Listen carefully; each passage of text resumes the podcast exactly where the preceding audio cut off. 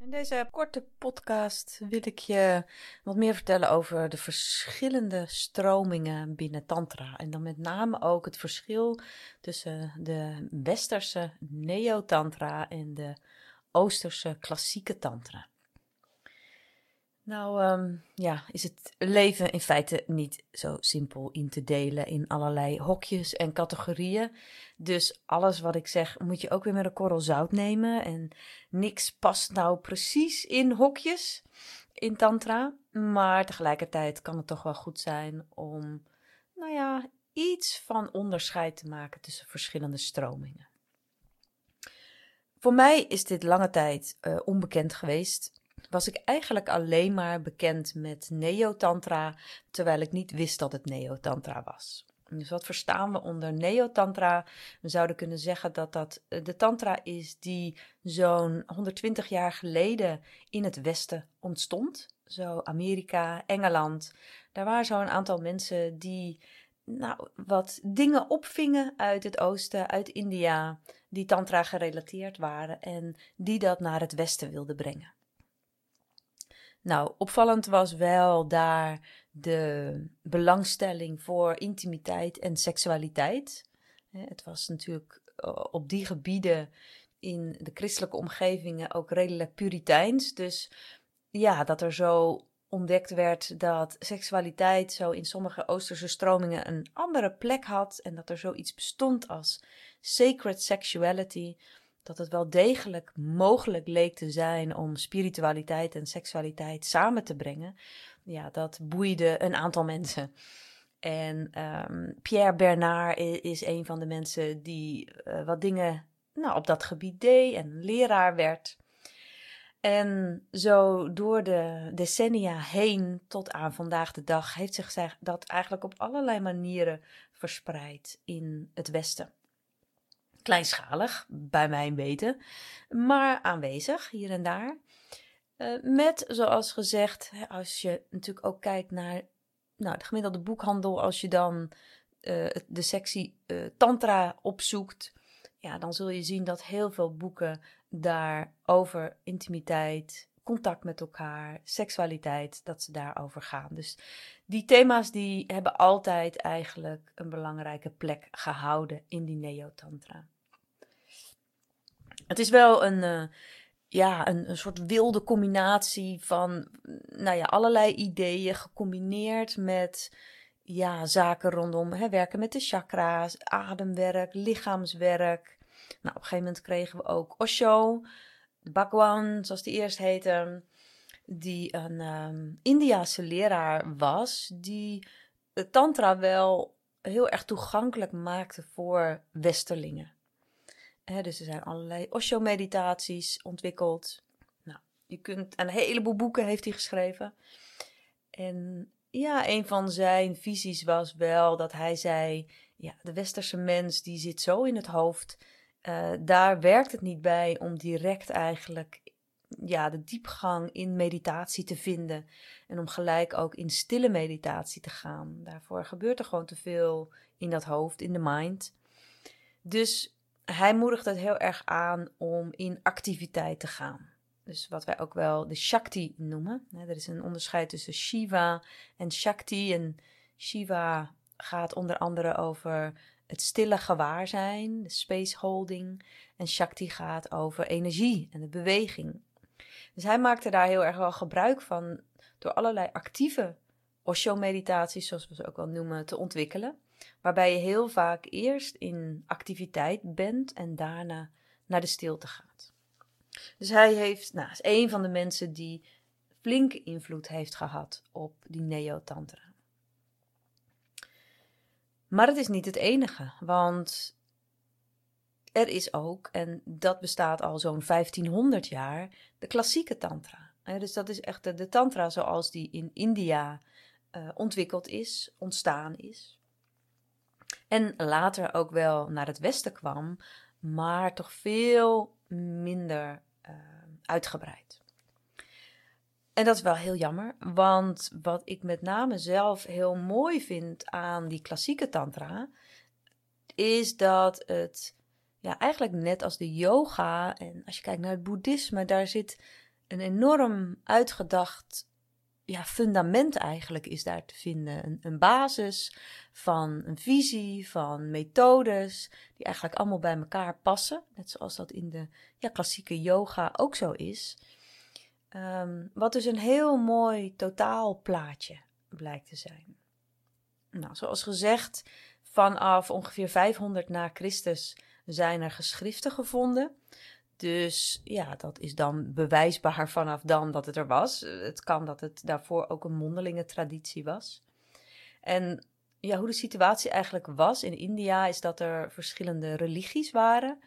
Uh, het boeddhisme, het hindoeïsme, wat alleen toen nog geen hindoeïsme heette. Dus je had wat we dan nu uh, hindoeïsme noemen, waren toen allerlei kleinere geloven. Dus er waren mensen die Shiva vereerden, het Shaivisme, mensen die Vishnu vereerden, Vaishnavisme, uh, Jainisme. Dus er waren kleinere stromingen. En vanuit de gewone religie, zou je kunnen zeggen, ontstonden er mystieke stromingen. Dus dat waren stromingen die zich wat afscheiden van ja, ik noem dat maar even dan, bijvoorbeeld nu, wat we dan nu zouden noemen het gewone Hindoeïsme of Shaivisme. En een, een, een ander, ander soort stroming gingen beleiden. En wat was er dan kenmerkend daaraan? Dat in de mystieke stromingen eigenlijk de individuele beleving en het spirituele pad naar binnen belangrijker is uh, dan het nou, vereren van een god buiten je. En ook minder belangrijk de, de regels die dan van oudsher eigenlijk ook wel in een soort van instituut ontstaan zijn. dus ook binnen het christendom heb je het gnosticisme, als ik het goed zeg.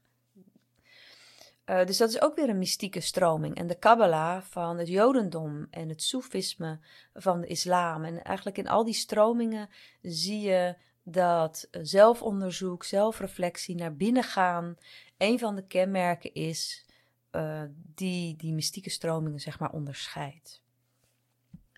En ja, het volgen van de leefregels, die er natuurlijk binnen het christendom en het jodendom en de islam bijvoorbeeld ook heel duidelijk uh, ja, zijn ontstaan, die zijn minder belangrijk of zelfs niet belangrijk. Het gaat heel erg over jouw eigen weg volgen. Wat aan de ene kant heel fijn en vrij kan klinken, en natuurlijk tegelijkertijd geeft dat minder houvast. Dus van het Shaivisme ontstond er het Tantric Shaivisme, Tantrisch Shaivisme, of het wordt ook wel omgedraaid, de Shaiva Tantra. En er waren dus bepaalde geschriften die ontstonden, die ja, steeds weer overgedragen werden. Er waren bepaalde leraren. En daar kon je dan bij in de leer, als je heel sterk voelde dat daar een verlangen was naar ja, wat we dan ontwaken en bevrijding noemen. dus gaan realiseren wat je werkelijk bent, bewustzijn in een bepaalde vorm van energie. En een pad willen bewandelen door middel van meditatie, mantra, yantra, rituelen, al dat soort zaken, om die reis naar binnen te maken en je ware zelf of de, de ja, hier begint het al dat het moeilijk in woorden te omschrijven is, de, de, de echte realiteit, zeg maar, te ontdekken, dat waar het, waar het werkelijk over gaat. En dat kan ook God genoemd worden. Dus het goddelijke of de divine. Um, alleen aan het woord God hangen ook weer allerlei plaatjes. Dus dat nou ja, wordt wel degelijk ook gebruikt in Tantra. Maar wetende dat dat ook heel veel verschillende associaties kan oproepen bij mensen. Dus als je het verlangen voelde, en dat kan vergelijkbaar zijn met vandaag de dag, mensen die voelen van, wow, er moet toch meer zijn. Er moet meer zijn. Ik voel dat er een diepere laag is waar ik naartoe wil gaan in mijn leven. Maar ik voel ook dat dat op dit moment niet een van de bekende religies is. En dan kan het dus ook dat mensen ook zo'n verlangen voelden als dat wat de mensen nou 1500 jaar geleden voelden. En opvallend was dan ook dat eigenlijk iedereen in tantra kon stappen. Dus dat was bij de gewone religies, als je daar nou ja, belangrijke functies wilde hebben, dat was niet zomaar voor iedereen uh, uh, beschikbaar. Maar in Tantra kon iedereen stappen, ook bijvoorbeeld als je kasteloos was. Dus in India had je natuurlijk het kastensysteem. Ja, de mensen zonder kasten, de kastelozen, die waren niks waard. Maar als je in Tantra stapte, dan liet je eigenlijk je kasten los. En iedereen was dan ook welkom. Een man, vrouw, maakte niet uit. Um, dus het stond voor iedereen open. En tegelijkertijd beoordeelde jouw leraar of je ja, een, een Shakti-pad, zo wordt het ook genoemd, eigenlijk een, een eerste ontwaken al gehad had. Van een gevoel van er moet toch meer zijn. En een diep verlangen voelen om dat pad te gaan bewandelen. En dan uh, was er een initiatie, waardoor je dan bij die leraar in de leer kon gaan. Nou, kenmerkend, ik had natuurlijk al de neotantra genoemd, dat daar uh, intimiteit en seksualiteit altijd centraal stond. In de klassieke tantra was dat in ieder geval in de hindoeïstische Shaiva tantra veel minder het geval. We hebben ook boeddhistische tantra.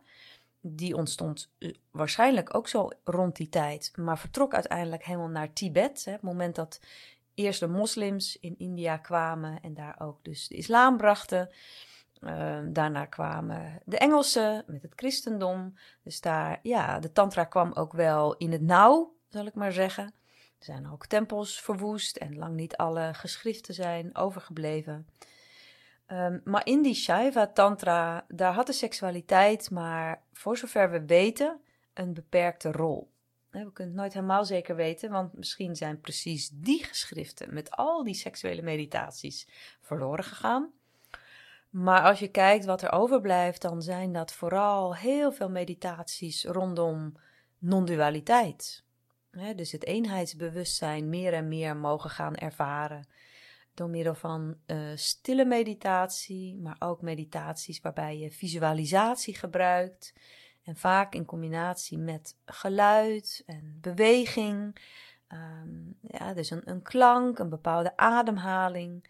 En ja, dat is onder andere een van de ja, geheimen eigenlijk van die tantra-meditaties, is dat je verschillende kenmerken combineert. Daar waar je in yoga, naar het schijnt, dat wat meer uit elkaar haalt, daar breng je dat in de tantra-meditaties samen. Nou, mantra's werden natuurlijk ook op allerlei manieren gebruikt. Uh, uh, het werken met de chakra's is ook typisch voor tantra. In de neotantra zie je dan weer dat uh, nou, eigenlijk altijd het zeven chakra systeem gebruikt wordt. Terwijl in de klassieke tantra eigenlijk iedere substroming uh, weer een eigen chakrasysteem had. Dus dat kon vijf zijn, dat kon zes zijn, dat kon twaalf zijn. Allerlei mogelijkheden. Dus het is niet zo, dat, dat heb ik lange tijd zelf wel gedacht, van nou, net zoals uh, het hart bij de meeste mensen toch links zit. Er schijnen mensen te zijn die alles gespiegeld hebben, maar dat is toch een zeer grote uitzondering. Hè, van dat het echt fysiek op die plek zit. Uh, dat is dus niet zo. Hè. Daar waar de chakra's geplaatst worden, energetisch in het lichaam, als ja, een soort van energiebundels, dat hangt heel erg af van de visie waar je, ja, waarmee je naar het systeem kijkt. In Tantra heb je dan trouwens niet alleen chakra's, maar ook bijvoorbeeld bindus. Die komen dan weer heel erg overeen met de Dantian-punten uit de Tao.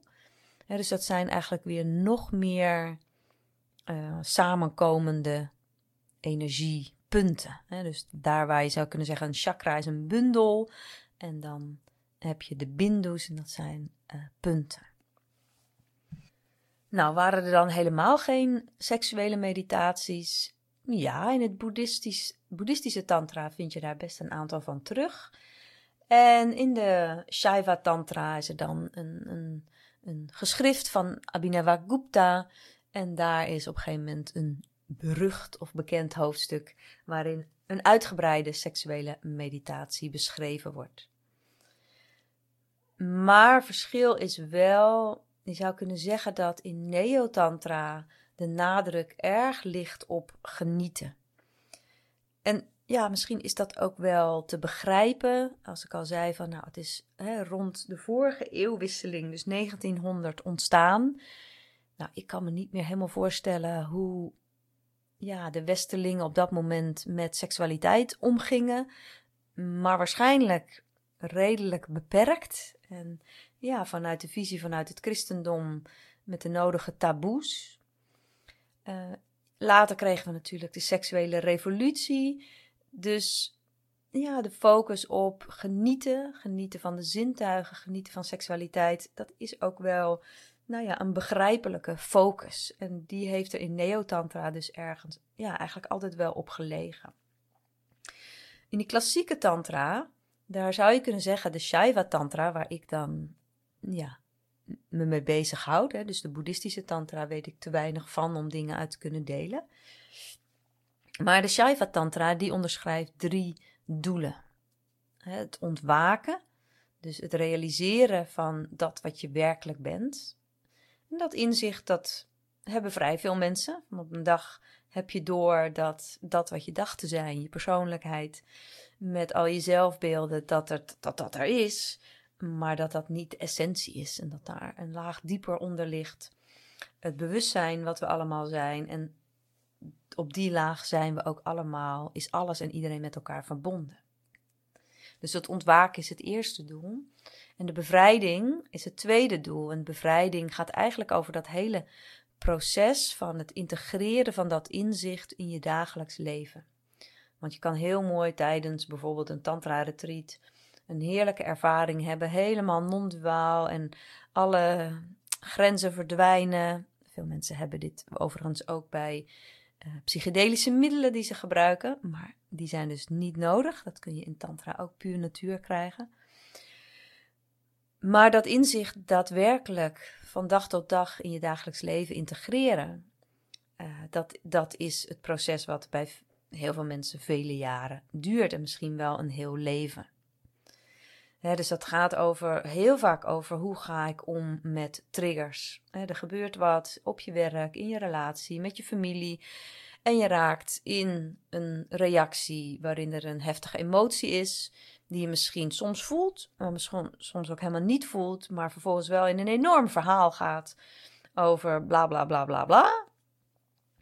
Waardoor je nou, in een ego-laag zit, een niet-functionele ego-laag, en er vaak ook een gevoel van afgescheidenheid is. En daar iedere keer weer doorheen bewegen en steeds meer naar ja, een diepe laag van rust en acceptatie gaan in jezelf, verbonden met het hart. In Tantra ook verbonden met je bekken, dus ook je levensenergie die daarin helemaal mag stromen, waardoor je je vrij voelt op, op allerlei vlakken. En vrij in seksualiteit wil, wat mij betreft, niet zeggen in Tantra dat je dan je lusten maar overal gaat uitleven dat kan, dat sommige mensen uh, dat willen en dat dat ook heel erg klopt bij hun proces. Maar voor mij gaat het wel heel erg samen met een enorme zorgvuldigheid en een eerbied voor deze uh, ja, energie die we van moeder natuur meekrijgen. En op het moment dat je die energie van het bekkengebied ook verbindt met het hartgebied en met het spirituele stuk, in de bovenste chakra's zou je kunnen zeggen, dan is mijn ervaring dat die zorgvuldigheid eigenlijk vanzelf komt.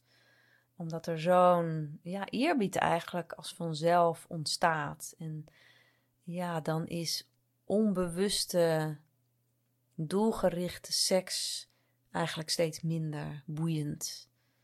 Ehm, dus volgens mij ontstaat daar vanzelf ook een een bepaalde vorm van seksualiteit beleven. En ja, voor de een zal dat betekenen een monogame relatie, voor ander is dat opener. Um, maar een, een, groot bewustzijn, zeg maar, hoort daar wel, wat mij betreft, uh, bij.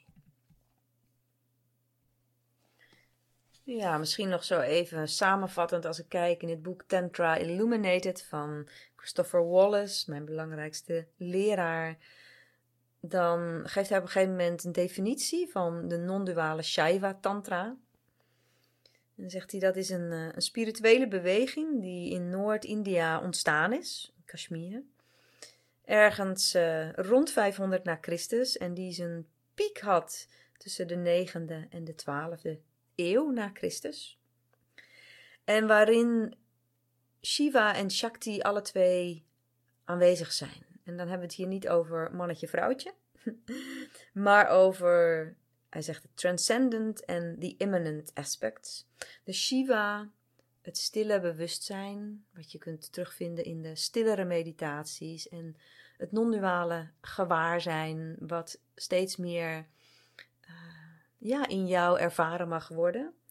En tegelijkertijd het Shiva, het Shakti-deel. Eh, dus dat betekent de manifestatie van dat alles. Hè? Het concreet vormgeven van dat non-duale bewustzijn in je dagelijks leven. In de vorm van nou ja, energie die je kunt ervaren, maar ook de dagelijkse dingen die je doet. Dus Tantra is geen spirituele beweging eh, ja, waarvoor je in het klooster gaat en je dan afsluit van alles en daar stilletjes op een kussentje gaat zitten.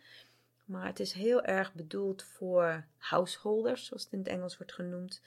Dus mensen die vol in het leven staan met werk, gezin, vrijwilligerswerk, ehm, zorgtaken. Uh, en daar al die inzichten in willen integreren.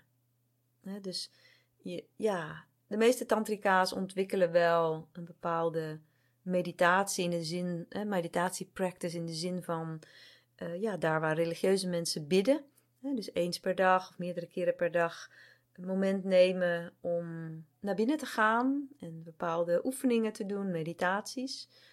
Maar tegelijkertijd is je hele dagelijks leven in feite één grote ja, plek om meditatie te beoefenen en steeds meer gewaar te zijn. En het omgaan met emoties en triggers, wat ik toen net al noemde, vind ik zelf ja, een, een hele belangrijke daarin. Nou, andere kenmerken van die non-duale Shaiva Tantra is dat de, de leraar belangrijk is. Ja, dat is vandaag de dag natuurlijk allemaal wat minder formeel. In de tijd werd dat echt zo van leraar op leraar doorgegeven. Geloof dat dat in de boeddhistische stroming nog steeds wel duidelijk is. Ja, en in het Westen, inclusief mijzelf, is dat allemaal wat vrijer geworden. Wat ongetwijfeld ook nadelen heeft of waar mensen hun mening over hebben. En tegelijkertijd, ja, geloof ik wel dat het daardoor wel mogelijk is dat veel meer mensen dan eerst kennis maken met Tantra. Je hebt ook eh, de Kula, dus dat is de gemeenschap die er mag ontstaan. Dus dat mensen met elkaar groeien en met elkaar leren. En verder zijn er dan een aantal kenmerken Zoals er zijn, dat je bezig gaat met view, dus de visie op Tantra. Hoe wordt er naar bepaalde dingen gekeken? Dat er meditaties zijn, dat er rituelen zijn, dat er pranayama is, dus dingen uit de yoga ook. Werken met het energielichaam, werken met visualisatie, ehm, het prikkelen van de zintuigen. Wat weer op allerlei manieren kan want ik ben nog steeds bij het tweede doel, liberation, en nog niet bij het derde doel. Uh, maar dit was dus even een definitie van de non-duale Shaiva Tantra. Overigens, in die naam zit dus alleen het woord Shaiva. Maar de beste, meest kloppende benaming zou eigenlijk zijn non-duale Shakta Shaiva Tantra. dus daar waar Shaivisme eerst uh, alleen maar een verering van Shiva was. En waarschijnlijk ook in de eerste uh, tantrische stromingen van het Shaivisme. kwam dus heel snel al Shakti erbij. Ja, dus daar waar het dus heel praktisch ook en aards wordt en vrouwelijk wordt. Met ook vrouwelijke leraren. Dus dat vrouwelijke stuk en vrouwelijke godinnen. Nou, dat vrouwelijke stuk zie je ook op allerlei manieren eigenlijk terugkomen. Dus ontwaken, bevrijding, en het laatste doel is wel degelijk ook in de klassieke tantra het mogen genieten. Mogen genieten van seksualiteit, van de zintuigen, van succes in het leven. Ehm, maar ja, als je alleen maar voor dat genieten gaat, dat is prima, leuk, heerlijk, genieten van. Maar dan noemen we het geen tantra. dus daar heeft de klassieke tantra wel een duidelijker onderscheid vergeleken bij de Neo-Tantra. Ik, ik heb daar dit soort dingen allemaal nooit gehoord. Sowieso ben ik in de Neo-Tantra nog nooit doelen tegengekomen. Er werd eerder gezegd, Tantra heeft geen enkel doel. Um, en in de klassieke Tantra is dat dus wel zo. Daar moet ik dan wel bij zeggen dat ook al zijn die doelen er, het ook weer niet de bedoeling is, of dat het ook niet gaat werken, om heel erg vanuit de mind aan, naar die doelen toe te gaan werken. dus die doelen moet je eigenlijk meer zien als een soort ja, focuspunten, ehm, die wellicht ook wel jouw verlangen kunnen versterken. dus als je op een gegeven moment meer hoort over ontwaken en over liberation, de bevrijding, en wat dat allemaal inhoudt, dan kan dat verlangen ook wel degelijk groeien. Overigens ook een inzicht vanuit Tantra is dat dat hele proces van ontwaken en complete bevrijding, je zou dat ook verlichting kunnen noemen, dat dat in dit leven mogelijk is. Dus daar waar met nou, ja, Hindoeïsme en Boeddhisme natuurlijk hebben over um, reïncarnatie. En wellicht zeggen van, nou, je hebt gewoon heel veel levens waarin je kunt werken aan dat doel van verlichting, of daar naartoe werken.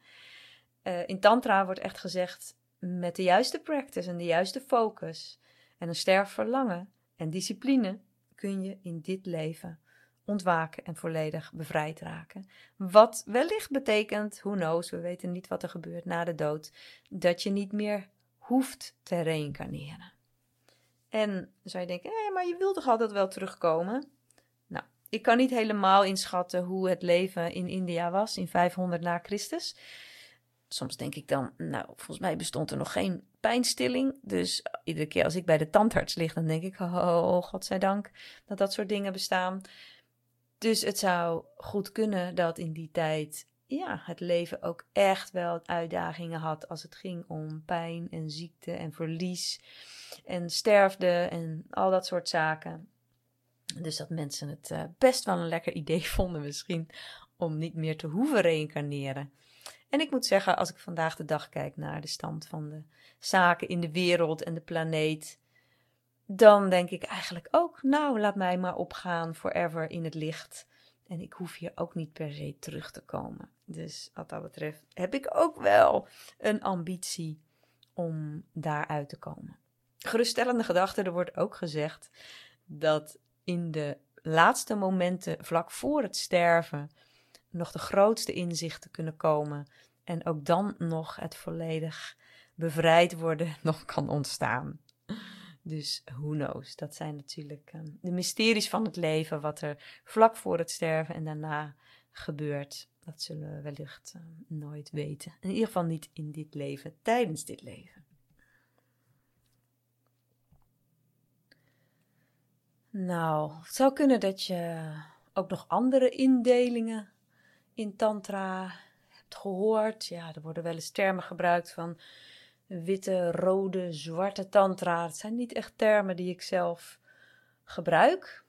Volgens mij komt het ook niet echt vanuit de klassieke tantra. Maar dat weet ik niet zeker. Vaak wordt wel bedoeld dat de rode tantra de seksualiteit heel erg gebruikt, de witte tantra juist niet. Je zou kunnen zeggen dat misschien in het Westen veel tantra roze tantra is dus het thema seksualiteit komt wel aan de orde. Je werkt met seksuele energie, maar er wordt niet aan seks gedaan. En zwarte tantra maakt weer gebruik van andersoortige energieën. Ik heb daar zelf nooit iets mee gedaan, dus ik kan er ook niet echt heel veel over zeggen. Ja, wel is het misschien nog goed om te benoemen dat.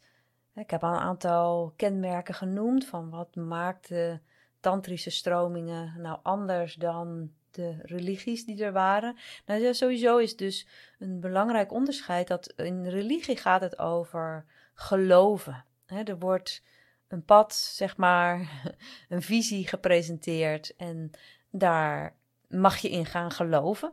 En dat is het dan. Uh, en in Tantra gaat het over het zelf ervaren. Dus je eigen ervaring, je eigen beleving van de divine, van het goddelijke, staat daarin centraal. En nog iets anders wat ik nog niet genoemd heb, is ehm, dat Tantra. Nou ja, ze kozen natuurlijk voor bijvoorbeeld het feit dat iedereen die een verlangen kon laten zien, die mocht daar instappen. En als je dan werkte, kijk, wij kunnen ons met dat kastensysteem ons waarschijnlijk niks bij voorstellen, maar als mensen de kastelozen daarin mochten stappen, dat was nogal wat. En zo deed Tantra wel meer, nou ja, grens, ja, grensoverschrijdende of op, dingen die op het randje waren, die hoorden daar wel bij. dus een beetje de sociale normen uitdagen door nou, vlees te eten in die tijd of alcohol te drinken, wat de meeste uh, Hindoes dan niet deden. Meditaties op crematieplekken te doen, ook de dood en het sterven. Ehm, ja, echt een plek te geven. En mijn leraar zegt wel eens dat, dat hij vindt dat een verschil dat de, tussen de neotantra en de klassieke tantra, dat de neotantra erg focust op genieten en alles leuk willen hebben en het leven. Uh, terwijl de klassieke tantra dat ook doet, maar ook heel erg met de dood bezig is. En, en ja, eigenlijk nou ja, je op allerlei manieren jezelf ook oefent in onthechten. Uh, wat eigenlijk ook steeds een stukje sterven van het ego is. Dus dat zijn ook allemaal um, onderdelen van de klassieke tantra. Hmm, ja, tussen de Hindoeïstische en de Boeddhistische Tantra er zitten overeenkomsten en verschillen. Maar ik weet dus te weinig van de Boeddhistische Tantra om daar heel veel over te, te, te zeggen. Maar als het goed is, als je dingen in Tantra gaat doen en er wordt gewerkt vanuit de klassieke Tantra, als het goed is, wordt dat wel aangegeven van vormen wij, ja, volgen wij de Hindoeïstische tradities, de Shaivistische zijn dat dan over het algemeen of de boeddhistische. Wetende dat er ook daarbinnen weer allerlei stromingen zijn. Dus dan is het, het is echt eindeloos ingewikkeld. dus het is niet zo dat er één non-duale Shaiva Tantra is. Maar als ik nou hier even het boek erbij pak van Christopher Wallace, Tantra Illuminated, wat dus wel een heel goed basiswerk is als je meer wil weten over die klassieke Tantra. Kashmir Shaivisme wordt het trouwens ook wel eens genoemd. Dan wordt er alweer hier over negen stromingen daarbinnen gesproken. dus ook daarbinnen zijn weer allerlei stromingen met verschillende mantra's, met verschillende godinnen en goden die vereerd worden. Ehm, verschillende rituelen, meditaties, geschriften. Ehm, ja, dus wat dat betreft is het ook, nou ja, ik heb het geluk gehad om Christopher Wallace te ontdekken en ja, in die traditie, zeg maar, in zijn stroming mee te gaan. Um, en tegelijkertijd combineer ik dat wel met Neo-Tantra. Hij is zelf volgens mij van mening dat die combinatie niet mogelijk is, maar daar ben ik het dus niet mee eens. Want ik vind het heel mooi om de ontmoeting met de ander, die je dus in de Neo-Tantra veel meer opzoekt dan in de klassieke Tantra. Daar zijn heel veel meditaties gewoon op jezelf, individueel. Maar ja, je komt de ander continu tegen. Of dat nou in een relatie is, in je werk, op straat, ehm, overal. Dus juist ook de ontmoeting meenemen in je eigen zoektocht naar binnen.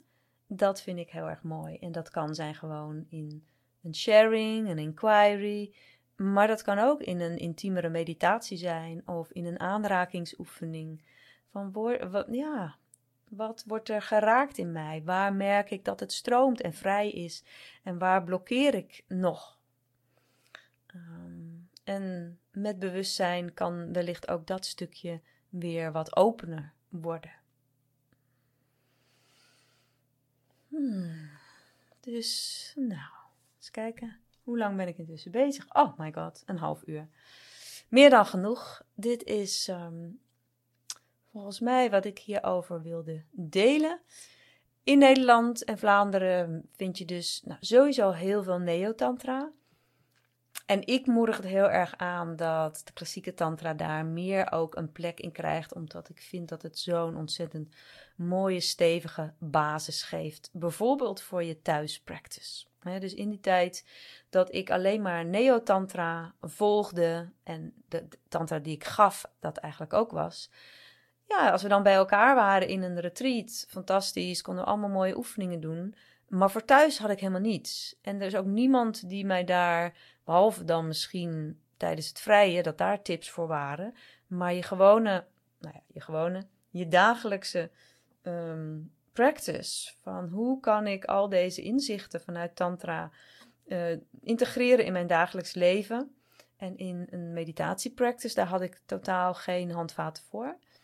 En dat biedt die klassieke Tantra dus echt wel. Dus als je meer wilt halen uit Tantra dan alleen af en toe lekker genieten in een groep, wat ook kan en wat ook helemaal mooi is natuurlijk maar je wil, je wil gaan voor die verlichting, voor die volledige bevrijding.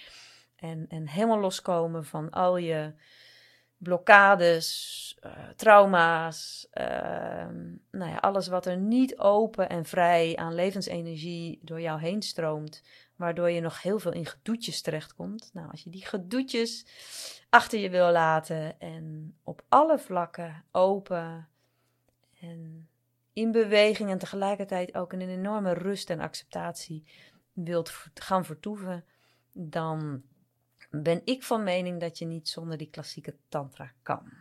Maar goed, dat is natuurlijk mijn visie. Een ander heeft weer een religie die hem dat brengt, of de yoga, of psychedelics. Ieder heeft ook zo zijn ding, maar ik ben gewoon heel erg dankbaar voor de tantra in mijn leven en wat het mij biedt op alle vlakken. Ja, ook de seksualiteit heeft zich uh, enorm getransformeerd uh, door al die jaren heen. Dus doe je voordeel mee met deze informatie. En je kunt op mijn website kijken, blissyourbody.nl, en je kunt ook op tantrawijzer.nl kijken. Daar vind je een, groot, oh, nou, een overzicht van een groot aantal aanbieders op het gebied van tantra in Nederland. En een heel klein beetje in België volgens mij, maar vooral Nederland.